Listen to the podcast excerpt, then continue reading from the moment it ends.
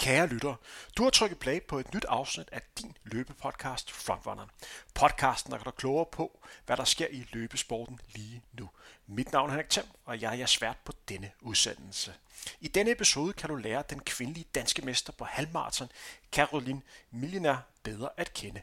Hør om hendes lidt anderledes vej ind til den absolute top rent elitemæssigt herhjemme. En rejse, der startede som fodboldspiller, og hvor hun havde en lang mellemperiode i USA til her i 2024, hvor hun er et rigtig godt bud på en kommende dansk EM-deltager til Europamesterskabet i Rom til sommer. Frontrunner produceret Tim Tempo. Tak fordi du lytter med.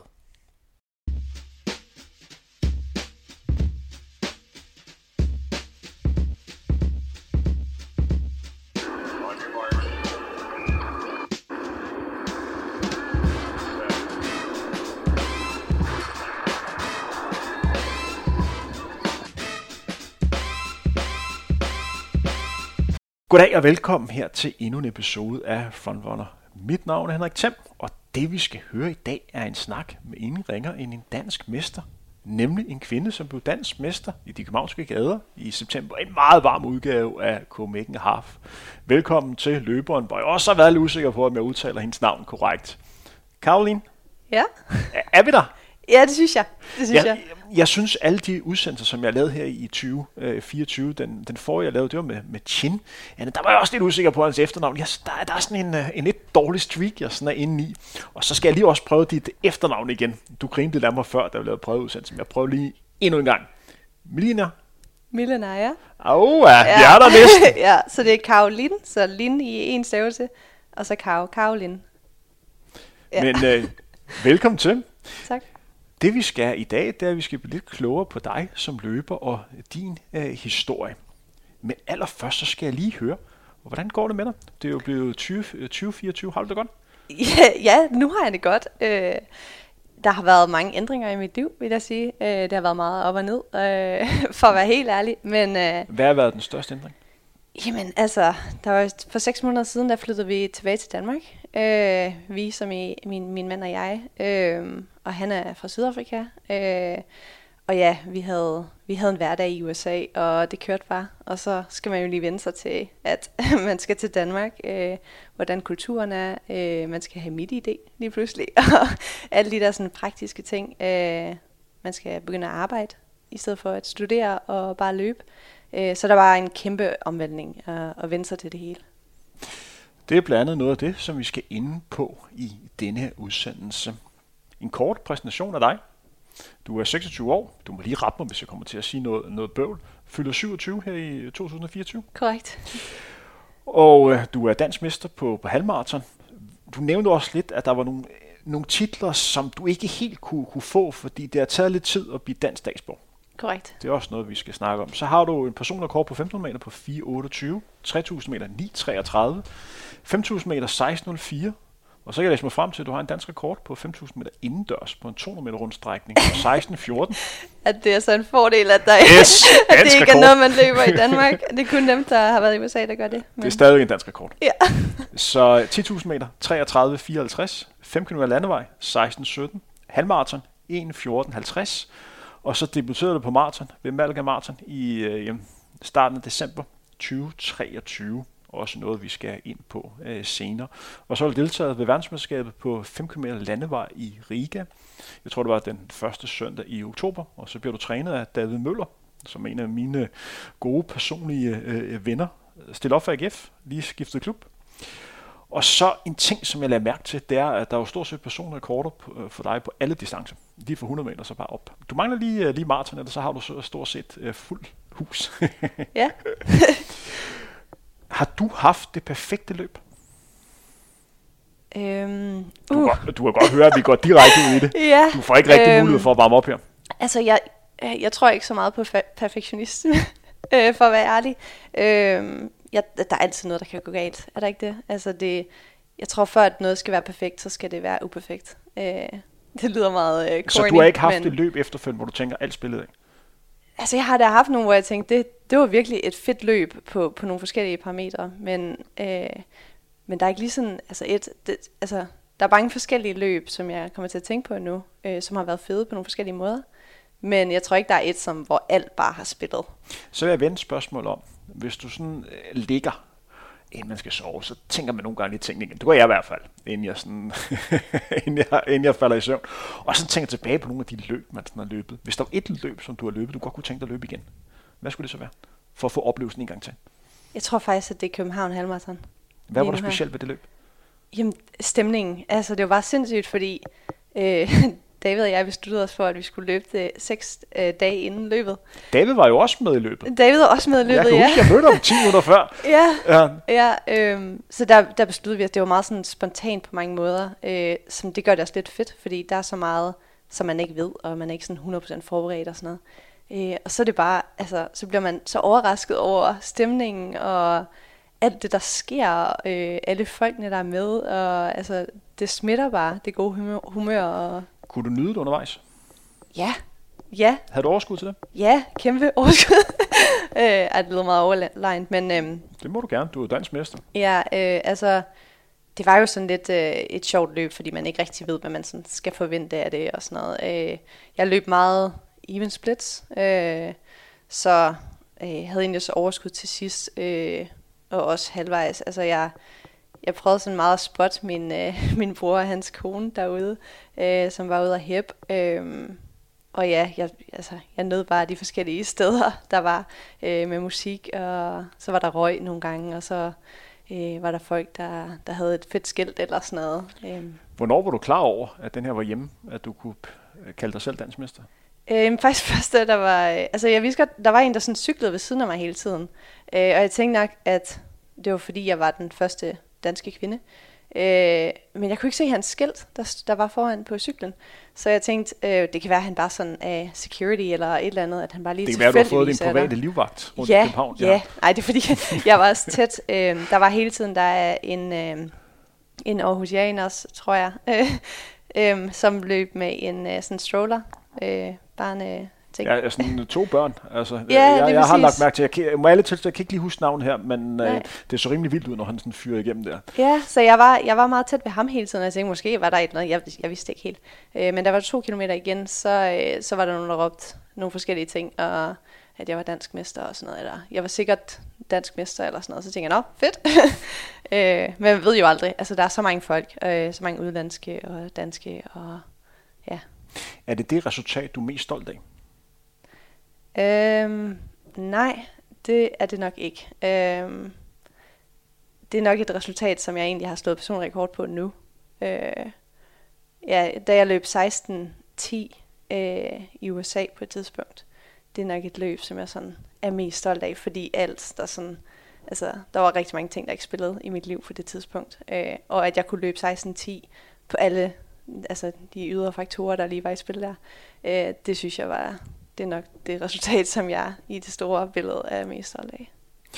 I denne udsendelse her skal vi jo lære dig lidt bedre at, at kende, øh, fordi nu kommer jeg til at sige noget, som er måske er forkert. Jeg har et billede af, at du er en løber, som herre og fru Løbe Danmark måske ikke kender så godt. Nok, øh, det skyldes nok, at du har været i USA i en del år, men du har jo løbet rigtig, rigtig hurtigt og er dansmester. Jeg vil gå så langt og sige, at jeg tror, du kommer til at løbe endnu hurtigere, end det du har gjort nu. Så vi skal lave et portræt af dig, hvor det er muligt for folk, at man kan få lidt bedre indblik i, i din historie, som er jo meget fascinerende. Skal vi ikke starte helt forfra? Jo. Og lad os starte med det spørgsmål, som jeg også selv undrer mig lidt over, da jeg læste op på dig, nemlig Caroline Milliard. Nu har jeg allerede sagt efternavn forkert. Og fornavn. og fornavn. Ej, mand. Damn. Det er, ej, hvorfor ender jeg altid som sådan en pauseklovn, der sådan, uh, prøvler i de her, de her Det er navne? okay. Når jeg hørte det navn først, så kommer jeg til at tænke England og USA. Men du har jo Ja. slet ikke nogen tilknytning derfra. Nej, Du er hollænder. ja, det er Yes, øh, jamen jeg er født i Holland, øh, flyttede allerede til Danmark, da jeg var fem måneder. Øh, flyttede til en, en lille by, der hedder Sørvad, øh, som ligger lidt over Herning. Øh, sammen med mine forældre på en, en kvækker og mine to søskende. Øh, vi talte egentlig altid hollandsk derhjemme, men så talte jeg dansk med mine søskende. Øh, men jeg taler stadigvæk hollandsk, prøver at holde det lidt ved lige sammen med mine forældre. Øh, men har jo gået, altså boet i Danmark i 19 år af mit liv, inden jeg flyttede til USA de seneste 6 år. Øh, så ja. Har du også Hollands statsborgerskab? Ja, så jeg havde Hollands statsborgerskab og fik det med mig. Øh, og ja, da jeg flyttede til, eller da jeg blev 18, øh, så kunne jeg jo søge om at få, få dansk statsborgerskab også. Øh, så det var en meget lang proces, og tog seks år. Øh, og så stod jeg som 24-årig øh, og kunne hente mit danske statsborgerskab. Overvejede du på det tidspunkt for eksempel at prøve at komme med på det hollandske landshold? Øh, nej, men det tror jeg også bare, fordi jeg ikke var god nok til det. øh, nej, altså jeg har, jeg, altså jeg føler mig som en dansker. Jeg er opvokset her og har en, en kæmpe kærlighed for landet og tilknytning til... Hvis jeg lige stopper det her. Ja. Øh, fordi at jeg er jo nok så ærkedans, som du kan, kan forestille Men jeg vil gerne sige, jeg kunne godt tænke mig sådan lidt latino. men det er jeg ikke. men øh, det kunne jeg godt tænke mig. Mm. Øh, men det der med at føle sig, føle sig dansk, kan du selv lure på det? Ja, øh, jeg tror, jeg, jeg ved ikke helt om det er sådan... Jeg, jeg føler mig måske for sådan lidt jysk. øh, altså, da jeg kom til USA, så, øh, så tror jeg også, det sådan, jeg kunne skelne meget mellem øh, os, som var mere sådan fra Skandinavien, øh, og nogle andre europæere, øh, mere sådan Sydeuropa. Øh, hvordan sådan tankegangen til livet var, og Øh, altså vi boede i, jeg boede i Mobile, Alabama i fire år, hvor solen var altid skinner, og vi sad altid udenfor, og min mand, der er fra Sydafrika, han var jo altid sådan, hvorfor, hvorfor er I udenfor? Sådan, fordi solen skinner. Øh, og der er bare sådan noget ved sådan hygge og lykke, og øh, nogle forskellige sådan, altså at man er sådan så tæt som mennesker, man lytter til hinanden så meget. Øh, der var sådan noget dansk kultur, som jeg tror, det, altså det smitter bare af på en, og det, det er noget, som jeg sådan har taget med mig, og som jeg altid vil, vil beholde i mig. Hvor mange sprog kan du egentlig? Uh, det kommer an på, hvor godt. Øh, altså, jeg er, jeg er flydende på, på dansk, vil jeg sige, øh, og engelsk. Øh, og så har jeg haft, så hollandsk også. Øh, og så har jeg haft tysk i skolen i otte år. Har også en minor i tysk. Øh, så sådan rimelig flydende, kan forstå det hele i hvert fald. Øh, og så taler jeg også, eller forstår alt afrikansk, øh, og kan sådan lægge en accent på mit hollandsk, så det lyder som om, jeg kan tale lidt afrikansk, lidt ligesom man nok kan med norsk. Øh, altså, som alle andre danskere, så kan jeg også forstå norsk og tysk. Hvad snakker du med din mand? Eller norsk og svensk. Øh, vi taler engelsk derhjemme, øh, og så øver vi os på, på dansk, øh, når at han har overskud til det øh, efter en lang arbejdsdag. Det er svært at lære det dansk, er det ikke? Jo, men jeg synes, han gør det virkelig godt. Øh, han har faktisk lige fået en bonus fra sit arbejde, fordi han har været så god til at lære det. Det er da fedt. Øh, ja. Fordi jeg vil udenbart tro, at øh, det danske sprog måske ikke er det nemmeste sprog at lære. Bestemt ikke. Hvad laver du så dagligt, når du ikke løber? Øhm, jamen, jeg, øh, jeg har arbejdet som, øh, som bæredygtighedsspecialist, øh, og som bæredygtighedskonsulent tidligere. Øh, og ja, jeg arbejdede før i, i Fredericia, men er faktisk lige stoppet i tirsdags, havde sidste arbejdsdag. Øh, og nu, ja, nu skal vi flytte, og nu skal jeg finde et nyt arbejde. Så lige nu så har jeg faktisk ikke noget arbejde. Og øh, du er ved at flytte til Aarhus. Ja, korrekt. Så hvorfor lige Aarhus? Øhm, jamen, det er ikke uh, lidt uh, undskyld, hvis jeg fornærmer dig med en løbemækker af, af Danmark. Øhm. Er det Aarhus? jeg troede, det var København. øhm, Eller Bornholm. øh, jeg synes, det er så en lækker by. Øh, altså, jeg er, jeg er jyde, øh, og jeg har mange venner, der bor der. Øh, Øhm, det er en okay stor by, men ikke sådan for stor. Der er tæt på, det er tæt på natur og på vand og alt muligt. Altså, København kan også mange ting. Der er mange lighedstegn der, men øh, ja. Kan vi lave en aftale i dag? Jeg har ikke rigtig tid til det, og jeg tror ikke, du har tid, for du skal have noget efterfølgende. På et tidspunkt, når du er i København igen næste gang, så mødes vi i løbeskolen og så får jeg halvanden time til at vise dig områder i København, hvor du kan løbe, hvor du tænker, København, det er løbebyen. Okay. Er du med på det? ja, jeg er åben over for det. Men når det er sagt, jeg kan også godt i Aarhus. Ja. Men man skal ikke undervurdere København. Nej. Jeg kan godt forstå, hvis du bare triller rundt om søerne, eller bare triller rundt i fældeparken. Men der er også andre steder. Men det er jo det, man gør som turist. Altså, køre rundt om søerne. Øh, så, så, så er det fordi, at øh, man sådan er lidt skør. Jeg kan lige, øh, nu kommer vi ud på et tidspunkt, men jeg synes lige, jeg vil nævne det. Der var på et tidspunkt, hvor jeg sådan var hyret som øh, løbe- og for, for en dagblad politikken. Og de bad mig på et tidspunkt om at lave en top 5 over de bedste steder, man kunne løbe i København. For en radius fra Rådhuspladsen, altså 10 km. Og jeg sad sådan og tænkte, det optimale sted for mig, det er øh, rimelig tæt på at være nu her. Kalvebodfældet, Ammerfældet. Fantastisk område. 30-40 km. Du har det stort set for dig selv. Øh, det er fladt, masse natur. Ikke nogen lyskryds. Du kan bare løbe og andet. Det er lidt koldt om vinteren, lidt varmt om sommeren, men det kan du acceptere. Og det, det blæser også en del en gang imellem, det gør det her. men Velkommen det, til Danmark. det er et dejligt sted. Så der havde jeg en klar som. Og så gik jeg så i gang andet, og så sad jeg og så tænkte, Henrik, du er jo totalt åndssvag, at du har som etteren, hvor du sådan skriver ammer, uh, ammerfældet og kalvbodfældet med argumentet, der ikke er nogen folk, og det lægger du sådan ud til alle, så det kan kigge på.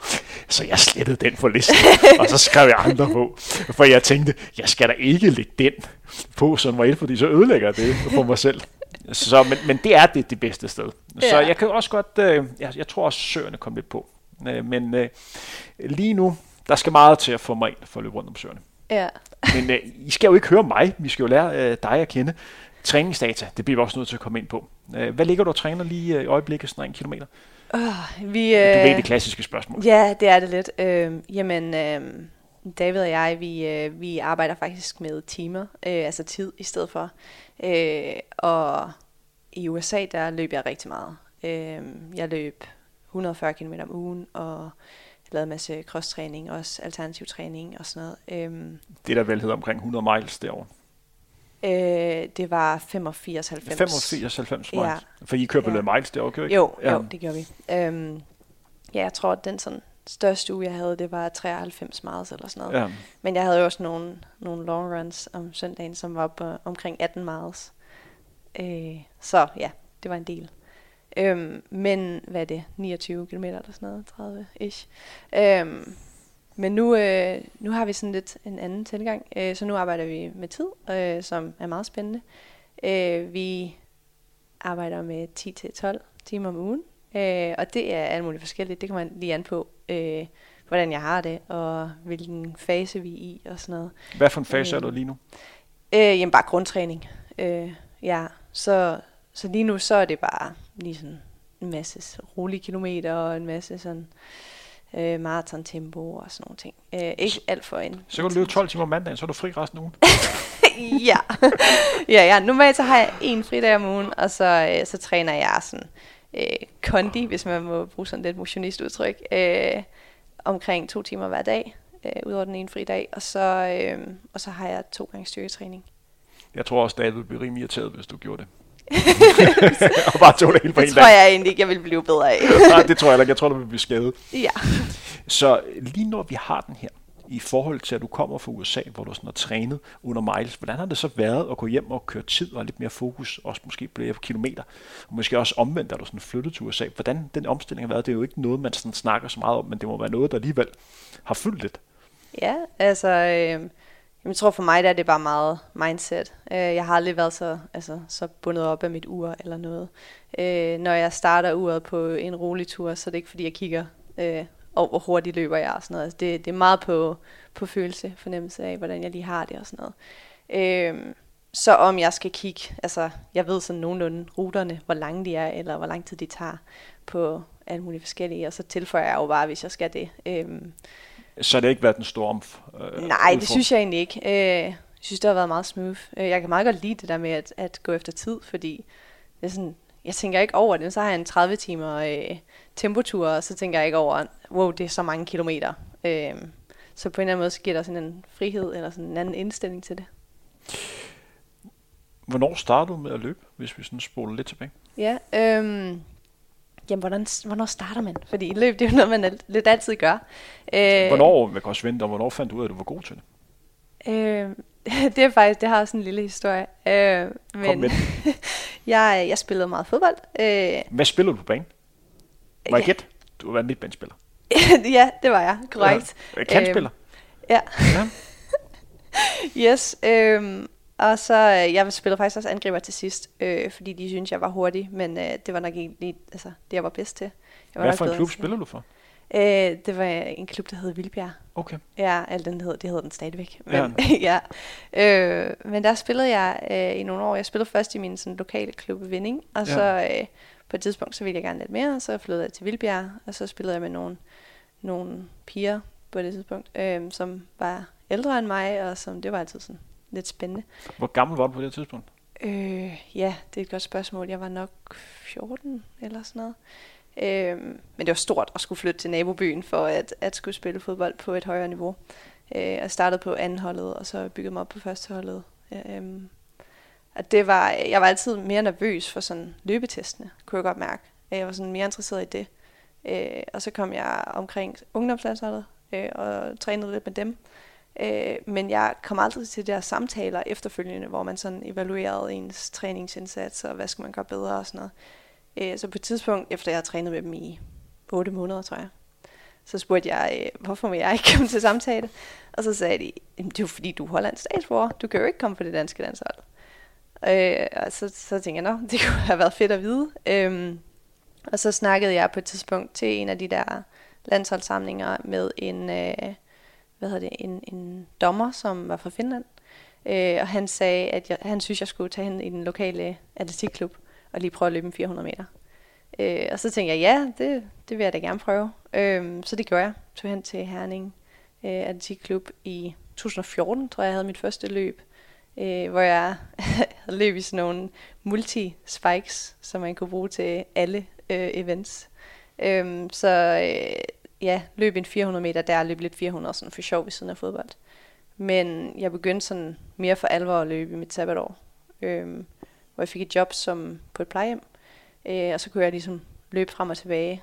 Øh, og så blev jeg trænet på det tidspunkt af Morten Marinussen øh, på højskolen, og ja, fik på den måde et scholarship til, til at komme til USA, og det var ligesom det, der sådan startede det. Er der en træner, som gjorde en forskel for dig i de tidlige år? En, som du gerne vil fremhæve?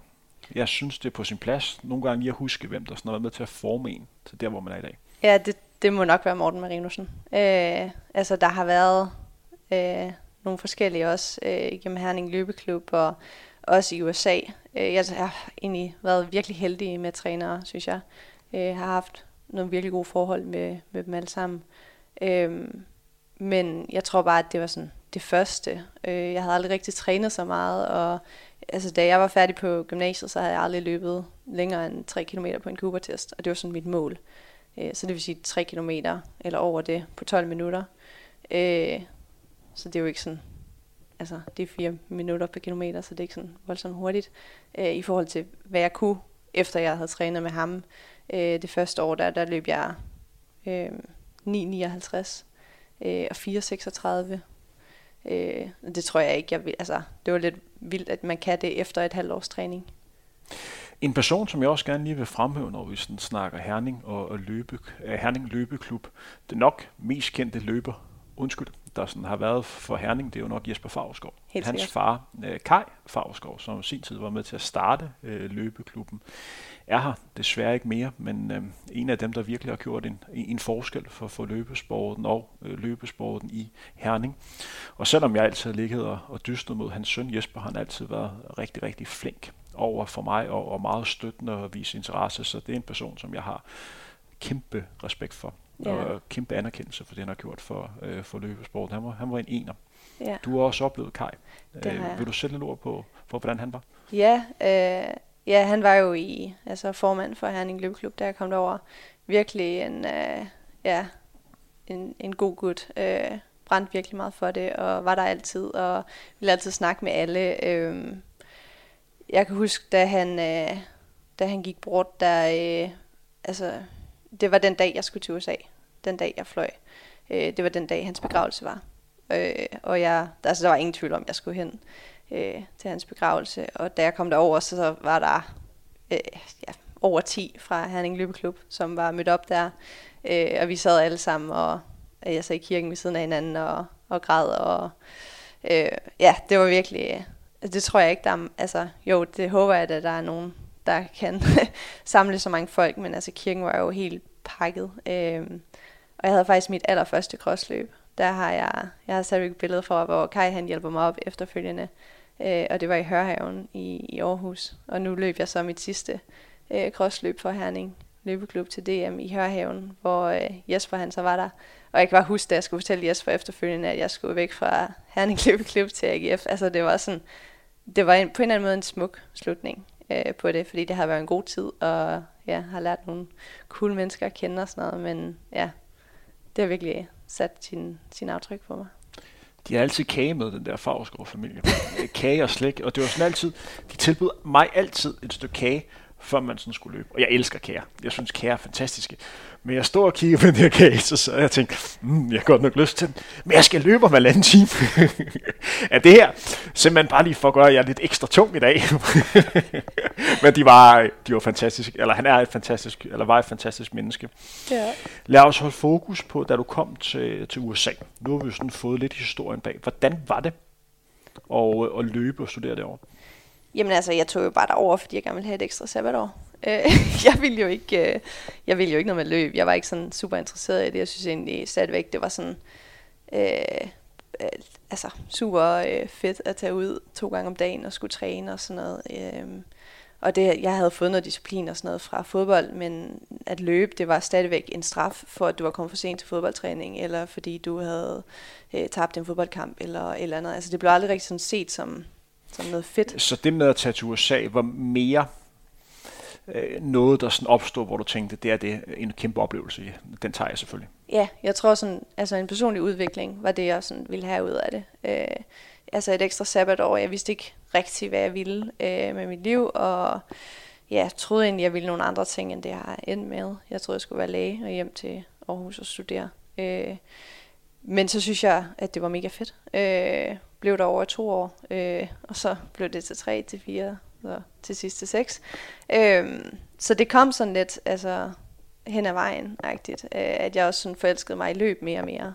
Så altså, ja, jo mere tid jeg brugte på det, og jo mere folk jeg lærte at kende, og øh, steder jeg oplevede igennem løb, så tror jeg bare, at min kærlighed den, den voksede. Kan du sætte lidt, ord, lidt flere ord på den her kærlighed? Hvad er det, der fascinerer dig?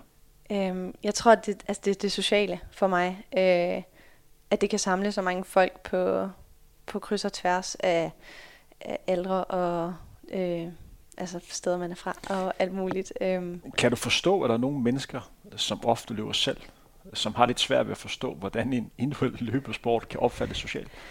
Øh, ja, det vil man jo nok have. Altså, det er jo også, altså løb er, er smukt på mange måder, fordi det er jo også, altså det er til alle. Øh, du kan løbe alene, du kan løbe i grupper, du kan løbe i lige præcis den gruppe, som du gerne vil. Øh, du kan også gøre lidt af begge dele. Øh, men der er jo mange, der tager ud og, og træner alene, også for at sådan, have sådan mental overskud og lige få lidt frisk luft og sådan noget.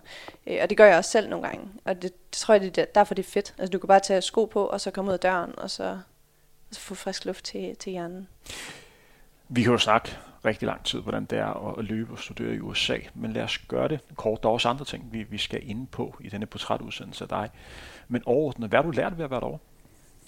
Kan du svare på det? Ja, på, på to minutter? Nej. Ikke på to minutter, lad os, uh, lad os se. Altså, øh, hvis jamen, du skal fremhæve nogle ting. Jamen jeg tror, altså, jeg har lært rigtig mange ting. Øh, og jeg vil sådan sige, at der er mange forskellige opfattelser af det, det at komme til USA øh, som en en løber fra Danmark eller en atlet fra Danmark. Øh, der er meget øh, negativ snak også, øh, og jeg, jeg tror meget på, at det er, hvad du gør det til. Øh, fordi du skal også, du skal også vide din... Altså, de træner en rigtig hårdt derovre, øh, og de, de forventer ret meget af en, øh, og der kommer et stort pres. Øh, og jeg tror, du kan håndtere det på mange forskellige måder. Men der har jeg været meget heldig at være på to gode skoler, som, øh, hvor jeg selv har kunne sige fra, hvis jeg synes, det var for meget. Øh, og jeg altså, har haft nogle vildt gode trænere, som altså, jeg tror måske, at jeg har været lidt heldig, at jeg har været en af de bedre atleter på holdet, så jeg kunne sådan lidt sætte tonen og sådan selv beslutte mig for, hvad jeg ville og ikke ville. Øh, jeg kan huske på et tidspunkt, så kom min træner med et forslag, at jeg skulle løbe alle mine rolige ture i øh, 24 tempo eller hurtigere. Og jeg tænkte bare, nej, det skal jeg ikke. Så jeg løb ud i skoven, øh, og så løb jeg mit normale 5.00 tempo. Øh, og så, jeg, altså jeg løj ikke, fordi jeg sagde aldrig, hvad tempo jeg løb. Men da han så kiggede på mit data, så kunne han jo se, at jeg løb langsommere eller færre kilometer, end hvad han sådan lige havde troet, jeg kunne løbe. Øh, og så sagde han, det, det, det ved jeg ikke. Det kan jo være, at der er satellitforbindelse eller noget. Og så på et tidspunkt, så var jeg jo ærlig, og så sagde jeg, hey, prøv at høre, jeg synes, tror ikke, det er godt for mig. Øh, og der skal man bare kunne vide sine grænser. Øh, så du var i stand til at kunne sige frem? Ja, ja helt sikkert. Øh, og også, altså, hvis de ville have, at man skulle løbe en absurd mængde, eller ikke cross-træninger eller noget, så tænkte man jo bare... Er, er det nødvendigt for at kunne begå sig over, man er stand til at kunne sige fra? Det er det. Altså man skal, man skal kunne kende sig selv, og det ved man måske ikke, men, men det skal man kunne mærke efter, også med hvad man selv synes er fedt. Øhm, fordi altså, de, de giver jo mange penge til en, øh, øh, og de har nogle høje forventninger, og især da jeg kom over på Wake Forest University i North Carolina, øh, hvor jeg kom over som, som en kandidatstuderende, graduate student, øh, der, altså, de har en i to år, og det ved de. Så de vil ligesom presse alt ud af en i de to år. Øh, men jeg havde sådan, jeg vil løbe hele mit liv. Øh, jeg er ikke færdig efter de her to år. Jeg, så, jeg ser egentlig lidt hele mine seks år i USA som sådan lidt base training for, hvad jeg kan nu. Øh, der, der er så mange løb derover, så det er svært at fokusere og være helt klar til alle løb. Øh, så der skal man også kunne sige, hey, jeg, jeg tager lige en slapper her, og, øh, og det er mere det langsigtede mål. Altså jeg skal kunne, kunne løbe i lang tid endnu. Hvis der var nogen pige i starten af 20'erne, der ringede til dig og sagde, at hun havde fået tilbudt et scholarship i USA, øh, hvad vil du så sige til hende? Så vil jeg spørge sådan, hvem hun er, og hvordan, hvad hun har i tankerne, og øh, jeg, jeg vil nok lige sådan mærke efter, øh, og så lige, altså hvilket universitet er det, øh, har du snakket med træneren, og hvilke, træ, hvilke spørgsmål har træneren stillet dig? Øh, altså, der er også et kæmpe problem med spiseforstyrrelser derovre, øh, og det er, altså hvis, hvis man er uheldig og har en tendens til det, så skal man passe meget på, hvilket universitet man også vælger. Øh, og ja, der er nogle, nogle forskellige ting, som, som kan provokere en, hvor man går hen i USA. Men du kan også vælge et super godt universitet. Hvordan oplever man det, at der er en udfordring med spiseforstyrrelse? Altså, jeg har oplevet det meget på et, altså, hvad hedder det, tæt på. Øhm, den første aften, jeg boede i USA, der øh, vågnede jeg, fordi min, øh, hende, jeg delte øh, toilet med, som var imellem vores to værelser, øh, hun lå og brækkede sig ud på toilettet, og jeg troede, at hun var syg. Hvordan reagerer du der? Jamen, jeg troede bare, hun var syg. Så jeg bankede bare på og sagde, hey, hvis du har brug for noget, så er jeg her for dig. Øh, og var der egentlig altid for hende, men efter to uger, hvor jeg stadigvæk kunne høre, at hun brækkede sig midt om natten, så kunne jeg godt regne ud, at hun ikke, at det ikke var en, altså det, hun er jo syg, men ikke på den måde, som jeg havde troet. Men hvordan, øh, hvordan reagerer du med det? Altså, fordi det er, jo, det er jo ikke sjovt at se en, som man bor sammen med. Jeg går også ud fra, at I var veninder. Og have det, have det dårligt. Og, og er ramt af en sygdom det må også være hårdt for dig at opleve tæt på. Ja. Øh, og, og du er jo garanteret uviden om, hvordan du skal reagere på det. Ja, meget uvidende. Jeg havde aldrig oplevet det før. Øhm, altså, jeg tror, jeg har reflekteret meget over, hvordan jeg sådan har håndteret situationen efterfølgende. Øh, og jeg var jo på hold med hende, og også nogle andre, der også var ramt af det øh, i, i mine fire år derovre. Øh, de blev ramt af skader gang på gang, fordi det kan, man kan ikke holde til det i kroppen. Altså, det er ikke sundt for kroppen.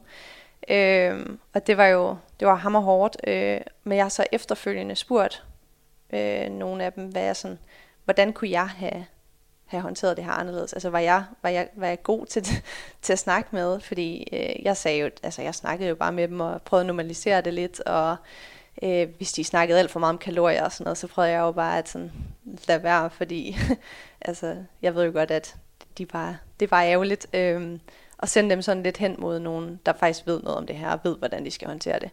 Øh, og det feedback, som jeg sådan fik fra dem, det var, at jeg gjorde det rigtigt. Jeg var meget normal omkring det. Øh, når, de, når de snakkede alt for meget om det, så lukkede jeg det sådan lidt ned, uden at være sådan fuldstændig, nej, det gider vi ikke snakke om. øhm, så ja, der er mange forskellige ting, man kan gøre, men det, det er helt vildt sådan store, altså, det, det er helt anden verden. meget spændende. Jeg kan også lige nævne, at en for et par dage siden øh, udgav jeg en udsendelse med Chin, øh, læge og indehaver af energimærket øh, Neutron, hvor vi snakkede om om vægt, og hvordan man som løber rammer den øh, optimale vægt. Det er ikke en udsendelse om spiseforstyrrelse, men det er en udsendelse om, hvordan man som løber skal forholde sig til vægt, om det egentlig er sundt øh, løber imellem og snakke om, om vægt og hvad man, øh, hvad man vejer. Også i forhold til en træner. Hvad for et ansvar har en træner? Hvad for et ansvar har man som øh, træningskammerat i forhold til den her vægtproblematik? Fordi uden at vi skal bruge sindssygt meget mere tid på det, så er vi alle sammen som løber godt klar over, at vægt er et vigtigt element. Men min opfattelse, du må gerne rette mig, hvis jeg siger noget, som er forkert, det er, at det ikke er noget, man sådan snakker sådan sindssygt meget om. Jeg går ikke ud fra, at du har mange ture med dine løbekammerater, hvor I lige snakker, okay, jeg var det her i morges, og nu vil jeg gerne veje det her i morgen. Er det korrekt opfattet? det er fuldstændig korrekt. Jeg ville heller ikke kunne have sådan en samtale, for det ved jeg ikke. Øhm, Altså, jeg tror, jeg, at i, i, i Norge for eksempel, der, jeg har en norsk veninde, og der bliver de jo nu på øh, klubbasis øh, også øh, tjekket, lægetjek, om de er sunde og raske, om deres BMI er god og alt sådan nogle ting. Øh, også med fokus på, at det kan være, at de har lidt større muskelmasse og sådan noget. Øh, og også mental sundhed og sådan noget. Jeg synes egentlig, sådan et øh, sundhedstjek ville være mega fedt at have, øh, fordi jeg ved, at der er nok nogen, der, eller det er der, nogen, der har problemer med det. Men det er ikke noget, som jeg sådan, altså, jeg tror sådan personligt, så, så tænker jeg måske lidt for lidt over det egentlig, hvad jeg sådan spiser og vægt og sådan noget, det ved jeg ikke. Altså, ja, for mig så har det meget balance. Jeg tror, det er sundt, at jeg ikke tænker så meget over det. Øhm, men jeg har i 2024, så jeg er sådan ikke så god til at spise salat og sådan noget. Jeg spiser bare øh, nok. Øhm, og så har jeg i 2024 sat mig et mål for, at nu skal jeg begynde at spise de der sådan seks grøntsager og frugt øh, om dagen. Nu vil jeg gerne fortælle dig en historie. Ja. For den gang, at, øh, at jeg var på toppen af min karriere. Og du må gerne også lige reflektere over, at det forhåbentlig har ændret sig den dag i dag. For det håber jeg virkelig, det er. Men en ting, som jeg lagde mærke til, da jeg var på toppen, typisk når vi var sådan på, på træningslejr, øh, og det er jo igen, den her spiseforstyrrelse webproblematik er egentlig lidt sjov, fordi det er også en udfordring for herrene. Det er bare måske ikke lige så synligt, som det er i forhold til, hvad det er for kvinder. Øh, men det er også øh, for herrene. Men det, jeg lagde mærke til i forhold til kvinder, det var, at den hurtigste havde meget at skulle have sagt. Så simpelthen bare sådan noget simpelt, når man skulle spise dessert. Så de her piger, de sad og kiggede på den hurtigste løber, og hvis hun spiste dessert, så skulle de alle de andre også have dessert. Hvis hun ikke spiste dessert, så skulle de ikke spise dessert. Ja. Og jeg håber virkelig, at det er ændret i dag, for jeg synes, Ja. det der, det er mega fjollet. Ja, altså, jeg, grundlæggende kan jeg godt forstå det. Og jeg, som træner, at det man skal tænke sig om, hvis ja. Man går ind i den. Fordi man, altså, man bliver nok nødt til det, men man skal gøre det på en rigtig måde. ja. Det ændrer fuldstændig dag, er det ikke? Altså i min optik ja, men jeg, der er sikkert nogle forskellige. Altså en, en kort historie fra USA, der havde vi på et tidspunkt det vi kalder en recruit, altså en som vil være på holdet øh, et efterfølgende år. Øh, og hun sidder der og vi sidder og spiser frozen yoghurt, øh, og sådan har puttet en masse topping på af, af forskellige, altså både frugt og øh, kiks og sådan nogle ting. Og hun, hun vil ikke have noget. Øh, og så sidder vi der og snakker, og så på et tidspunkt så siger hun bare, hvis man nu ikke har sin menstruation, må jeg så godt løbe for holdet? Og så, så kigger vi bare sammen på hinanden. Kæmpe red flag. Øh, altså, nej, det må du ikke. Øh, du er nødt til at have din menstruation. Men vi vil også gerne have den der recruit, så det er også sådan, Øh, hun har måske ikke sin menstruation, så hvad siger man i sådan en situation? Og så sagde vi jo sådan, nej, men det er vigtigt, at du har din menstruation, og hvis du kommer herhen, så får du rigtig god hjælp til det og sådan noget.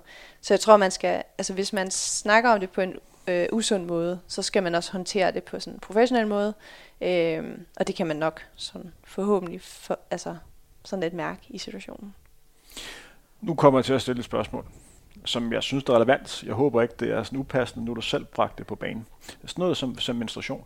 Når du træner sammen med andre piger, det er noget, som I snakker om.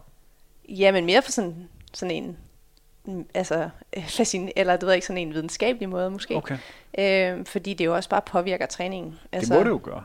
Altså, Ja, øh, altså, der er også meget glad for, at, øh, at David han er meget, øh, at han er fin med, at jeg nogle gange siger, hey, øh, jeg har menstruation i dag, så jeg, altså, der har jeg bare 24 timer, hvor jeg er i kæmpe smerte, og jeg ikke kan gøre noget som helst. Øh, og det, det er han selvfølgelig fuld forståelse for. Øh, og der kan jeg bare sådan snakke, men også med mine øh, kvindelige, altså mine, mine klubkammerater og dem, jeg nu løber med, øh, at vi bare siger sådan, mm, jeg har vildt ondt i dag, eller øh, det, nu er jeg i den her fase, så det betyder, at jeg måske kan gå igennem mere smerte, eller måske har jeg mindre energi, eller måske har jeg bare vildt meget lyst til chokolade, eller sådan noget.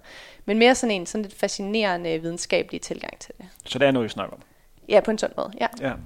Det virker som en, øh, ja, en sund måde. Er der nogle ting her i bagspejlet, du gerne vil have gjort anderledes i det ophold i USA? Der er sikkert mange ting, men lad os fokus på rent løbemæssigt. Er nogle ting, du gerne vil have ændret på? Ja, øh, det er der. Det er det første, der sådan lige popper op i hovedet, det er, at da jeg kom til, til Wake Forest, der, øh, der målte de. Øh, det lyder også sådan lidt, altså, og det igen, der skal man jo bare sådan balancere det og have en, en tankegang til det. Altså sige stop, hvis man ikke vil og sådan noget. Men vi har, havde noget, der hedder en DEXA-scan, hvor man måler øh, fedtprocent, og man måler knogledensitet og sådan nogle forskellige ting. Øhm, og det tager vi så hvert halve år, og der tog de en af mig, der kom, og så efter et halvt år. Øh, og på det, på det tid, der havde jeg taget 8 pund, jeg ved ikke, det er omkring, hvad, 3,5-4 kilo ish, på i kun muskelmasse. Øh, så min træner på det tidspunkt valgte at sige, du må ikke komme i styrketræning længere.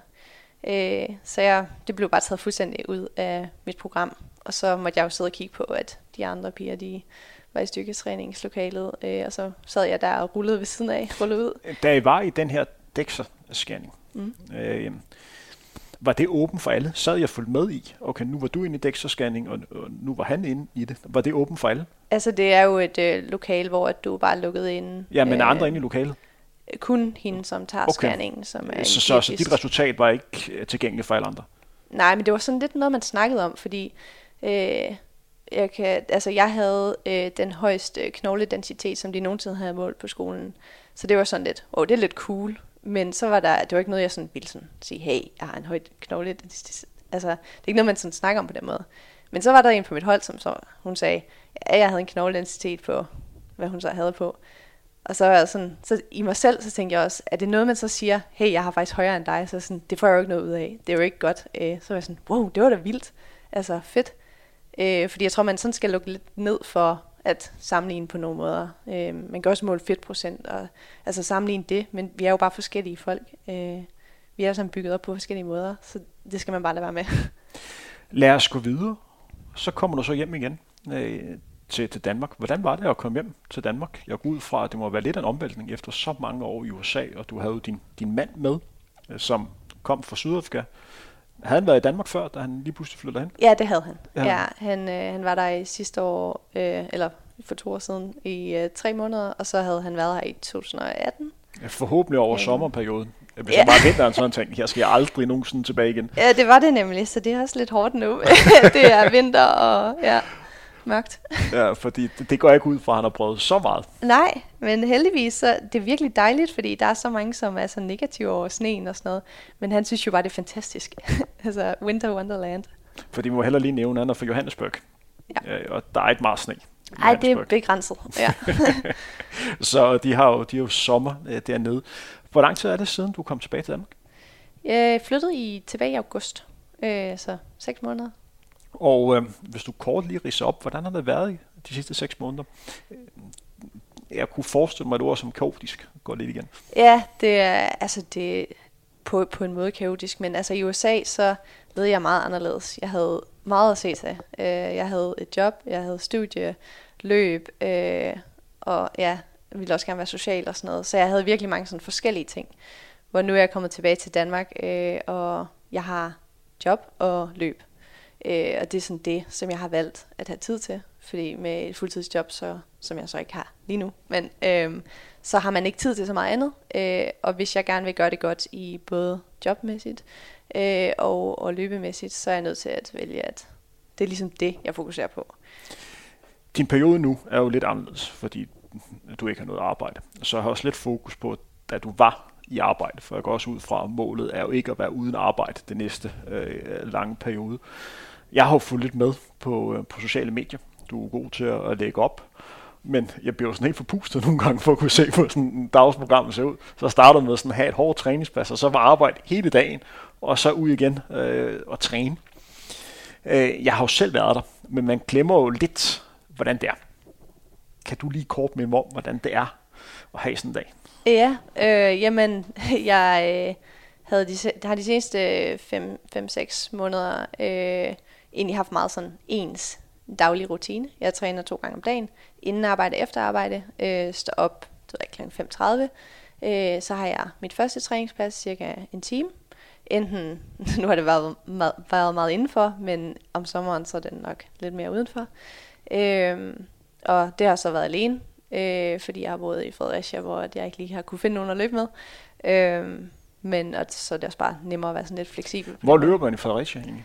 Øh, der er nogle cykelstier, øh, der er langs vandet, øh, som er meget lækkert. Øh, der er nogle forskellige skove og sådan noget. Der er faktisk nogle gode områder at løbe i. Er der ikke også sådan en øh, sådan borgagtig ting, man kan løbe rundt om? Øh, jo, der er voldene. Voldene, ja. ja Lige præcis, det er ja. det, jeg søgte efter. Ja. ja. De er, øh, ja, der er både op på voldene, er der to stier, og så er der de nedre volde, som, hvor der også er nogle stier. Det er faktisk meget lækkert også. Øh, alle sammen grusstier. Ja. Så, så er det en løbeby? Er det godt at løbe i Fredericia? Øhm, ja, det er sådan okay, vil jeg sige. Der er nogle forskellige muligheder. Øhm, er måske er Aarhus lidt bedre.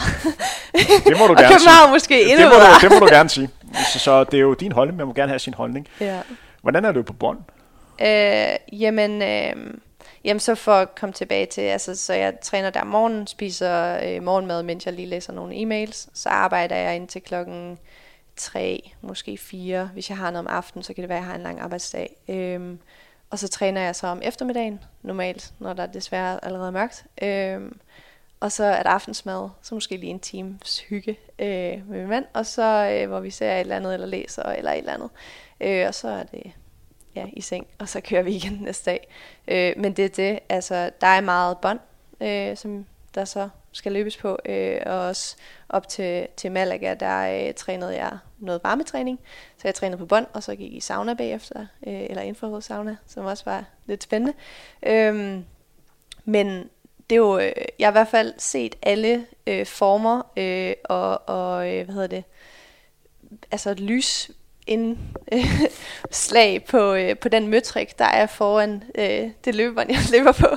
Øh, det, er, det er lidt kedeligt, men, øh, men jeg tror også, det altså, for mig så er jeg meget motiveret af selve sådan, processen. Øh, så jeg har helt sikkert nogle mål og nogle delmål og sådan noget. Men jeg synes også, altså det handler om at nyde hver dag, for ellers så når du dem aldrig. Øh, og nogle gange så kan det være kedeligt at løbe på bånd, men så handler det jo bare om at finde en, en fed podcast, eller øh, nogle gange så bruger jeg det der visuelt, hvor man kan løbe i forskellige områder på den der skærm. der Er vi foran ikke en. enige, når vi sådan snakker bånd? For eksempel hvis du er ude og løbe naturen. Lad os tage en tur med Sælsborgsskoven. Der kan man godt komme hjem og være fuld af sådan energi, hvor man tænker, fuck, det er det var sgu fedt. Det har man ikke helt på bånd.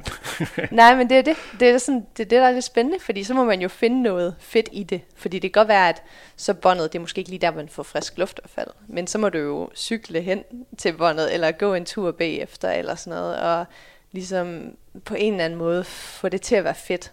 Øh, fordi det, det kan bare blive en virkelig lang periode, når man bor i kolde mørke i Danmark. Øh, nu her i vinterperioden, hvor der er sne og is udenfor, og der bare ikke er andre muligheder. Jeg har jo engang sørget for, at alt strøm gik i det helt fitnesscenter, fordi jeg løb på bånd. Okay, øh, hvad var- var tempoet på Nej, det? men det var, at øh, på et tidspunkt, øh, så var øh, Fitness.dk, som nu hedder Sats, de var, øh, de var sponsor for Team Danmark, så der fik udleveret nogle kort for dem, der var sådan Team Danmark og var blandt de, de bedste øh, danske løbere. Det havde jeg også. Øh, så, så på det tidspunkt, der var det sådan meget, når man skulle intervaller, så skulle man sådan hamre igennem. Så jeg løb øh, sådan 5 gange 1000, og vi var oppe og ramme og sådan noget. Altså, øh, det er jo svært at sammenligne bånd, øh, båndene, for nogle er lidt nemmere at løbe på end andre. Jeg var oppe og ramme sådan 4-25 km i timen. Så, så jeg lå bare og gav en gas og andet. Og så på et tidspunkt, så må jeg åbenbart have trykke så meget på det bånd, for det lige pludselig så går alt lyset i hele Fitness.dk. Der er sådan rimelig mange mennesker, det er en af de største centre der i Danmark. Alt gik bare. Og bare sådan, så kunne man bare så se, at det var sådan en strømopgivelse for mig, fordi jeg simpelthen havde, havde trykket så hårdt på båndet, som jeg løb for hurtigt på det. Så jeg fik en, en venlig påmindelse om, at det var måske ikke så godt, at jeg løb på det bånd der. Så, så jeg spurgte lidt, I vil gerne have, at vi træner, men så vil vi alligevel ikke. så men alligevel synes jeg, der var lidt sejt. ja, jamen, det er også lidt flex. Øh, altså der, hvor jeg træner nu, første gang jeg kom derind, så, øh, så måtte jeg også lige spørge om øh, det her, om det var sådan tilknyttet til et ældrecenter, eller om jeg også måtte løbe der, fordi det var jo sådan lidt, det er sådan lidt kaffeklubagtigt, og Ja. mange ældre, der træner der og sådan noget. Øh, men båndene er virkelig gode, så det kan også noget. Man det- siger, det er sådan et center, hvor man siger hej til alle, og godmorgen. Det og er da dejligt, det er da det, fedt. Det er, det er sådan, dejligt. det skal være. Ja. Vi har jo snakket om, at du blev dansk mester på, på halvmarathon. Øh, det var også et løb, hvor at løbe Danmark sådan rigtig fik øjnene op for dig. Vi har jo snakket om, at øh, det vil ikke om hvad med udsendt. Det var i hvert fald noget, vi snakker om, før vi trykker play, at DR havde lavet en snak om den her ukendte danske løber, og du nærmest fik et indtryk af, at vedkommende, der snakkede med dig, jeg slet ikke vidste, at du havde sådan løbet før. Hvordan var det for dig sådan at, at opleve den interesse efterfølgende? Øh, det var sådan lidt, altså lidt for meget faktisk, synes jeg. Øh, altså der var bare lige nogle dage, hvor det lige var, altså så var jeg i radioen, øh, og altså der var nogle forskellige nyhedsartikler, og så ville øh, Weekendavisen for Herning Folkeblad øh, også have fat i mig og sådan noget, øh, med sådan længere interview og sådan noget. Og altså nu har jeg sagt, hvordan mit sådan schema er, og jeg er også sådan, når jeg er på arbejde, så er jeg på arbejde. øh, så har jeg møder, og jeg øh, altså, vil gerne sådan fokusere på forskellige ting. Øhm, så når jeg lige pludselig, så er jeg sådan, nu er jeg lige nødt til at gå, fordi nu skal jeg lige i radioen, så føler jeg sådan, altså, så bliver jeg presset på nogle andre områder og sådan noget. Så jeg er meget glad for, at det, det ikke er sådan altid. Men på den anden side, så er det selvfølgelig mega fedt. Altså, Hvad med alle de fanbreve og autografer, du sådan skulle skrive? ja, det var helt kramper i hånden. Nej.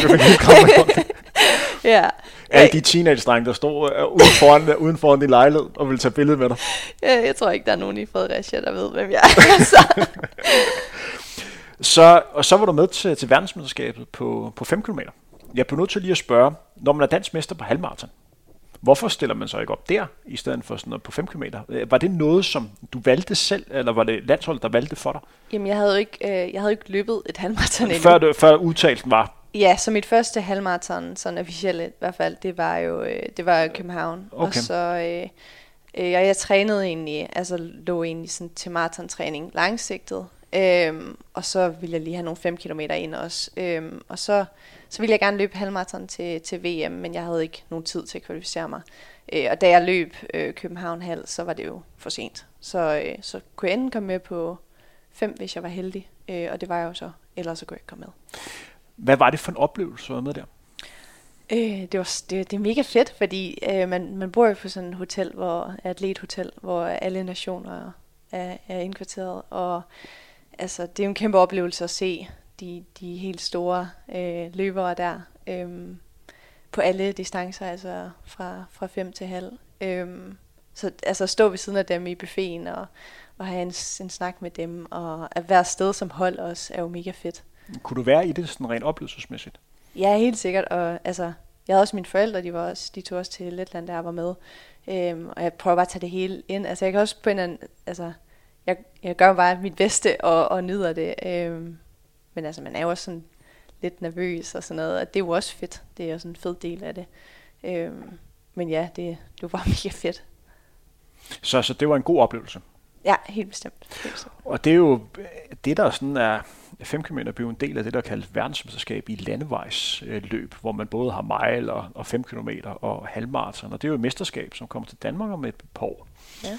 Jeg tænker jo, det er jo et oplagt mål for dig at være med igen på, på hjemmebane. Øh, Jeg tror, at man snakker lidt om, at det skal forbindes med Copenhagen Half, at man snart udvikler sådan en, en VM-uge. Jeg var selv med til verdensmesterskabet i halvmarathon sidste gang, det var i København. Så øhm, det var en stor oplevelse.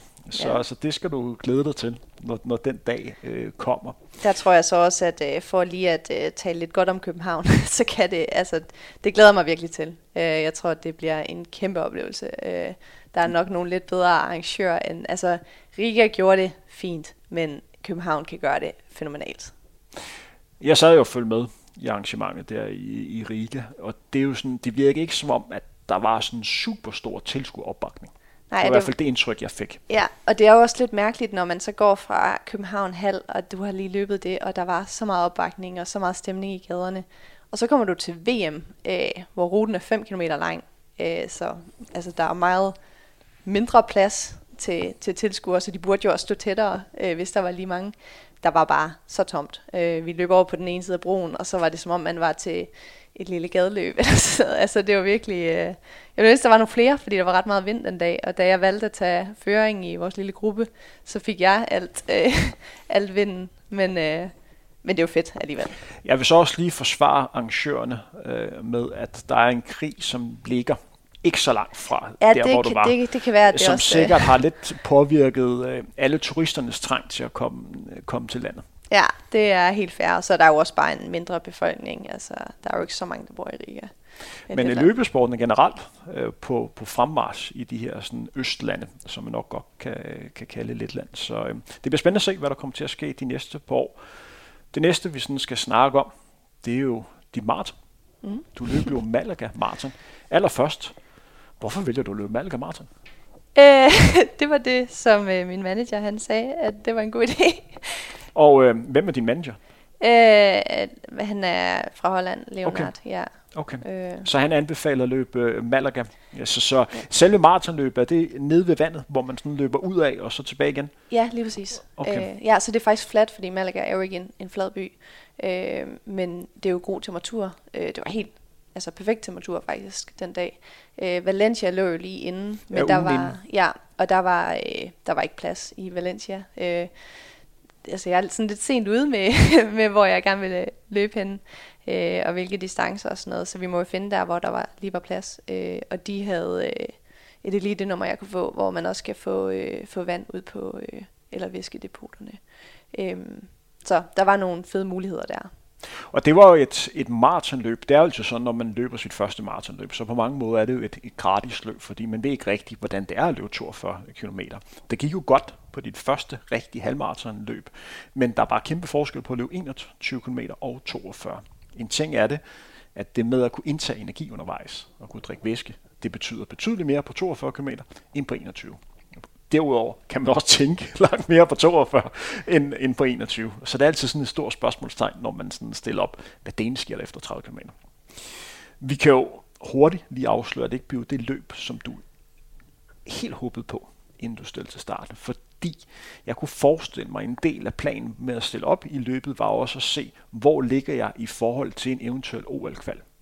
Den direkte OL-kval for kvinder er 2.26, nogle 30, 30, 40, deromkring. Ja, deromkring. Ja, ja. deromkring.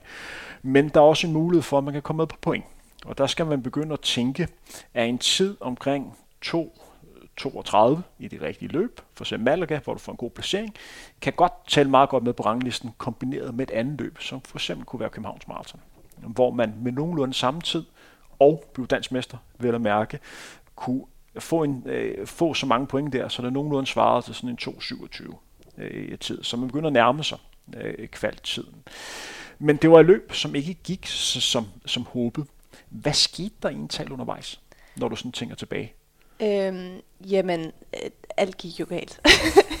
det var, øh, altså, det var en helt, øh, altså, jeg havde haft en virkelig god træningsblok op til, øh, og havde sådan følt mig virkelig stærk øh, på, nogle, på nogle længere pas, øh, hvor jeg også havde løbet altså omkring 3.40-3.42 tempo, øh, komfortabel i, i to timer, eller to gange en time havde jeg et pas. Øh, og det var, ja, jeg troede, at jeg, det skulle nok gå godt. Øhm, så har jeg jo googlet lidt, hvad skal man gøre, når man løber sit første Har du simpelthen maraton? googlet, hvordan skal jeg, det jeg, jeg ved godt, det er super amatøragtigt, men det var det, jeg Det er da gjorde. fedt. Ja. så gik jeg ind på sådan noget, hvad det hedder, runners.com, eller hvad end er det, ja. Øhm, og der læste jeg bare sådan en masse ting. Øh, det, det, er sådan, det, som jeg sådan tydeligt skal høre, det var, at du ikke skal ændre noget i din, i din race strategy, fordi altså, det har jo fungeret for dig. Og jeg havde været til mange løb, øh, men jeg har aldrig løbet et maraton før, så jeg tænker, det er da klart, jeg skal ændre noget. Øh, så det gjorde jeg. Øh, jeg ændrede en hel masse. Øh, det sidste store måltid, jeg havde, det var til middagsmad dagen inden. Og så spiste jeg en masse hvidt brød, som jeg aldrig spiser. Til aftensmad og til morgenmad. Jeg vågnede sådan midt om natten og var ret sulten. Det var jeg forestille mig. Øh, ja, vi havde fået en Airbnb, som var midt i Malaga, og der var åbenbart øh, sådan noget national holiday eller andet i, i Spanien, så det var jo virkelig meget larm ude på gaden. Øh, fik ikke så meget søvn. Øh, spise noget til morgenmad, øh, altså en masse hvidt brød og sådan noget, øh, fire timer op til. Øh, normalt så spiser jeg en stor portion havregrød tre timer inden, øh, så ernæringsmæssigt nok heller ikke det klogeste. Øh, da vi så varmer op, så varmer jeg op med nogle, øh, nogle kenianer, og, og vi løber der og sådan, sådan snakker lidt halv engelsk-ish. Øh, og det var mega hyggeligt, men jeg kunne bare mærke, at øh, jeg var ret sulten. Øh, så jeg vendte om, og så, øh, og så fandt jeg min mand, og så sagde jeg, jeg er vildt sulten, kan du ikke finde en banan til mig? Øh, så han kom med en banan, som jeg lige spiste sådan et kvarter inden, og det var fint nok. Og så havde jeg lige en gel, jeg også spiste, fordi jeg var endnu sul- mere sulten. Øh, og så starter løbet, og, og det gik godt. Jeg øh, kommer godt ud og sådan noget, løber 17.50 eller sådan noget på de første 5 km. Øh, og vi løb sådan omkring 18-20-ish. Øh, så jeg tilpasser mig lidt. Øh, og så kommer jeg hen til den første vandpost, mister min første vanddunk, øh, fortryder det, og så løber jeg tilbage, dumt. Øh, løber ind i en masse folk. Den har jeg også lavet. ja, øh, løber videre. Øh, 10 km, der står min, mit væske der ikke, så det var surt. Øh, så da jeg så får min første væske der ved 15 km, øh, der har jeg det egentlig fint nok, men jeg er sådan lidt frustreret øh, over det her. Og det skal man jo ikke lade sig frustrere af. Det skal man bare sige pyt, gå videre. Øhm, så ved, øh, ved halvmarathon kommer jeg igennem på 1.17. Det går sådan ret meget efter planen. Øh, og jeg har det egentlig godt, altså sådan vejrtrækningsmæssigt. Øh, men så efter 22, der har mit venstre lår, det begynder at ryste, og jeg kan ikke sådan øh, spænde det op på samme måde, som, som jeg kunne før. Øh, jeg har aldrig oplevet det her før, så det var meget sådan, hvad er det lige, der sker her? Og jeg prøver sådan at slå lidt til det, øh, men jeg føler simpelthen, at det bare er for svagt, at det ikke kan følge med. Øh, og så bliver det værre, øh, og tænker, at der er 17 km tilbage, der er vi 25. Øh, så tænker jeg, okay, hvis jeg stopper nu, så skal det være okay. Så skal jeg være altså, fin med det, øh, fordi jeg kan ikke... Altså, hvis jeg stopper, så stopper jeg. Sådan er det. Øh, så jeg vælger at stoppe, øh, vender mig rundt, og så, så finder jeg så min mand, og så, så begynder jeg bare at brække mig efter øh, to minutter efter jeg stoppede eller sådan noget. Så jeg havde jo, altså, min mave havde det jo heller ikke godt, fordi jeg havde byttet så meget om på så mange ting. Men det tror jeg egentlig ikke, det betød så meget, fordi jeg havde det egentlig godt sådan i kroppen generelt, ud over mit lår. Øh, så jeg lærte en masse ting, øh, sådan, hvad jeg skal op til, og det er jo fedt, det kan jeg tage, fra, tage med derfra. Øh, og så lærte jeg også bare generelt, jeg er sådan nødt til at i gang med noget mere styrketræning. Øh, så altså, det er fint, men det er selvfølgelig et kæmpe nederlag, at man ikke kan færdiggøre det, når man egentlig har haft en... Altså, du har jo ikke så mange skud i bøssen. Hvad sagde din mand til dig der, da du udgår? Er du sikker? Er du sikker? Var det det, han sagde? Ja. Yeah. Are you sure? Og, og hvad sagde du så til ham der? I'm sure. My leg can't do it. og, og hvad, hvad skete der så konspirance efterfølgende? Fordi jeg har både stået i den situation som løber, jeg har stået der som træner, jeg har stået der som, som partner. Jeg ved, det er en, en meget svær situation, og jeg tror som, som partner, man skal sådan tænke så meget om, hvad man siger. Ja. øh, ja. Altså der tror jeg, at vi komplementerer hinanden meget godt. Øh, altså jeg er meget, jeg snakker rigtig meget, jeg er meget ekstrovert, meget social, øh, og han er meget sådan, øh, mere sådan stille og rolig, øh, lyttende, og altså kan også, han snakker også rigtig meget, når det er bare os to i hvert fald, eller når han kender nogen godt, men er sådan lidt mere sådan introvert og sådan noget. Han ved godt, i den her situation, der har jeg ikke brug for at snakke, og jeg har ikke brug for at høre noget. Så der stod vi, og han havde sådan en lille elskutter, øh, som man kan lege, og der stod jeg bare sådan bagpå og holdt ved. Så vi kørte tilbage til startstregen, øh, og så hentede jeg mine ting, og så gik vi tilbage, mens vi bare, vi tog ned på stranden, og så købte noget pizza, og så kiggede ud over vandet, og havde dybe samtaler om livet, og alt muligt. Når du sådan tænker tilbage på det her maratonløb, det er måske et lidt forkert spørgsmål, men fortryder du, du løb det? Nej, på ingen måde. Altså, jeg har jo lært så meget. Øh, og jeg tror også bare, at træningen havde jo gået godt, og altså, jeg tror, jeg ville have fortrudt ikke at gøre det. Øh. Den her oplevelse må trods alt også sidde lidt i kroppen i forhold til næste maratonløb. Hvad er din fornemmelse i forhold til, i forhold til det? Er det noget, hvor du tænker, puha, det kan godt blive en hård omgang, eller er du sådan endnu mere sådan sulten på, at det skal fandme lykkes der, jeg skal fandme vise, at jeg kan mestre den distance? Både og. Altså, jeg har en kæmpe respekt for distancen. Det havde jeg også før. Øh, men jeg tror også, altså, det er bedre at starte lidt langsomt og altså, gøre det, man sådan normalt ikke ændrer noget på race day, som jeg jo læste på internettet. Øhm, altså alle de der ting, jeg har, jeg har, jeg har rimelig meget respekt for, eller kæmpe respekt for maraton. Øh, men jeg har også virkelig meget blod på tanden, for jeg vil gerne vise, at altså, jeg ved, at det er der, jeg er god. Øh, jeg er god til, øh, altså mental, og jeg er god til at presse mig selv. Øh, til træningen, altså til at kunne holde til det, og til at være ude lang tid, om det så skal være alene eller sammen med nogen, eller øhm, om jeg skal kigge på en metrik i øhm, mit fitnesscenter i, i to, to og en halv time. Øhm, jeg ved, jeg kan gøre det, og jeg ved, jeg kan nyde det. Øhm, så jeg tror bare, altså, jeg, jeg er skabt til maraton.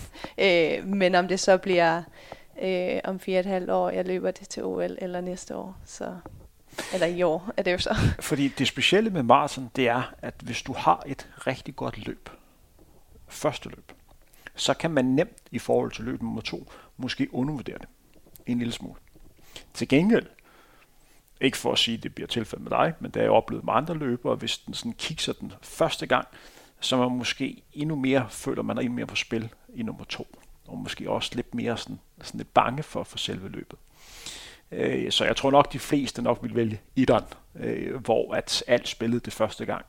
Men det er der, hvor maraton skiller sig lidt ud, øh, fordi det er bare en speciel distance. 42 km er øh, ja, ekstraordinær på mange forskellige måder. Også bare det med, hvor få chancer man egentlig har. Fordi årsagen til, at du gik ud, var jo øh, på grund af, ikke fordi du ikke kunne gennemføre 42 km, men også for lidt at kunne spare dig selv i forhold til, det giver jo ikke noget mening at, at løbe igennem bare for at gennemføre. Det handler også om rimelig hurtigt at være i stand til at kunne træne igen. Ja. Og det er også det, man sådan skal, skal tænke over. Ja, øh, og jeg har jo mange andre mål end det. Altså ja, nu præcis. kan jeg, jeg kunne træne stort set med det samme igen. Øh, og kunne, altså, nu ligger jeg jo bare i grundtræning, så øh, ikke sådan super in, intensivt, men øh, altså jeg startede med at træne lidt crosstræning igen, og så øh, langsomt begyndte med løb og styrketræning og blive stærkere. Så altså det har altså det havde en fordel, helt sikkert. Og så er det de, de færreste løbere, som formår at mestre både banen. Du har også løbet stærkt i år på, på 5.000 meter, på, eller sidste år på, på banen, og på 5 km landevej, og så samtidig mester maraton øh, distancen. Øh, det bedste eksempel er jo en mandlig løber, Cheptekai, Cheptegei, som vandt verdensmesterskabet øh, i august måned i Budapest, og så debuterer han på, på maraton i starten af december. Alle spiller indtil det øh, mangler 10 km, og så går han voldsomt ned med fladet. Altså han ligner jo nærmest en, der løber, løber baglæns i mål. Og jeg lidt tænkt, hvorfor fanden var der ikke nogen, der tog ham ud af løbet? Fordi han får godt nok en regning de næste par måneder. Og det er, det er altså løberen, som er olympisk mester og tredobbelt verdensmester der ikke lige ramte den første gang. Den eneste løber, hvor jeg sådan rigtig har kunne se det, hun, det er sådan en kvindeløber, der sådan mister der. Sifan Hassan, ja. som er et unikum. Hun er, mm. hun er voldsom. Ja, helt sikkert. Også hollænder. Ja, også hold, eller ja, det er hun.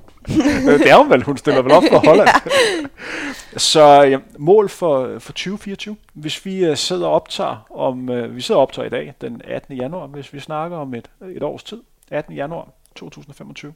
Hvad har du oplevet, opnået i 2024? Hvad, øh, hvad skal der til, for at du er tilfreds? Jamen, altså nu har jeg forbedret min 5 km tid på øh, i gennemsnit 29 sekunder de sidste 6 år øh, hvert år. Det stopper nok på et tidspunkt. Øh, så, men jeg vil stadigvæk gerne forbedre min 5 km tid. Det er lidt surt, at den hedder 16.04. Øh, så selvfølgelig skal den lidt ned. Øh, jeg vil gerne lidt, løbe lidt hurtigere på 10 km også, øh, og så en del hurtigere på, på halvmarathon, hvor jeg nok ligger øh, det helt store øh, fokus. Øh, jeg vil gerne til EM øh, og løbe så hurtigt, som jeg kan komme til at gøre. så hvis jeg siger under 16, under 33, omkring 1.12-1.13 på halvmarathon, så har du købt den? Ej, så skal det nok være lidt mere ambitiøst end det. Men okay. ja, ja. Endnu mere ambitiøst? Ja, det må man sige. Okay. Ja. Hvis vi sådan kigger langsigtet, andet, og så kigger på, hvor det her gerne skulle ende ud i hen. Der er en lidt OL-drøm. Er det det ultimative? Er det OL, der så må være Los Angeles i 2028? Paris er sådan set stadig i spil. Man ved jo aldrig, hvad der kommer til at ske. Men det er OL i 2028, som er det ultimative.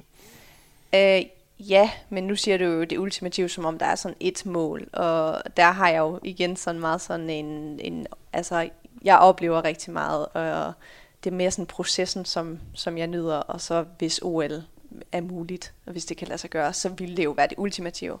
Øh, men det er det hele. Altså, ja, det håber jeg virkelig, jeg kan.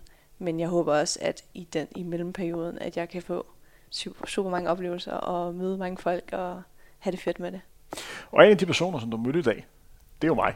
Vi er jo ved at være til, ved at være til vejs ende. Til allersidst, så vil jeg gerne lige spørge dig, er der nogle personer, nogle andre, som støtter din idrætskarriere, som du øh, synes, de fortjener lige en, øh, en high five, en kado, øh, for på en eller anden måde lige at støtte dig der, hvor du gerne vil hen.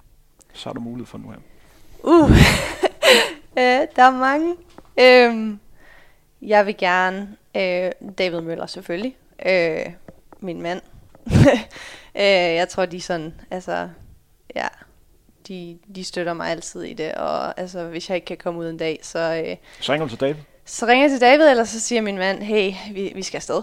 Øh, hvis man har haft en lang arbejdsdag, og øh, der er mega glat udenfor og mørkt, og du skal lige cykle to kilometer for at komme ind til træningscenteret, og jeg virkelig ikke gider.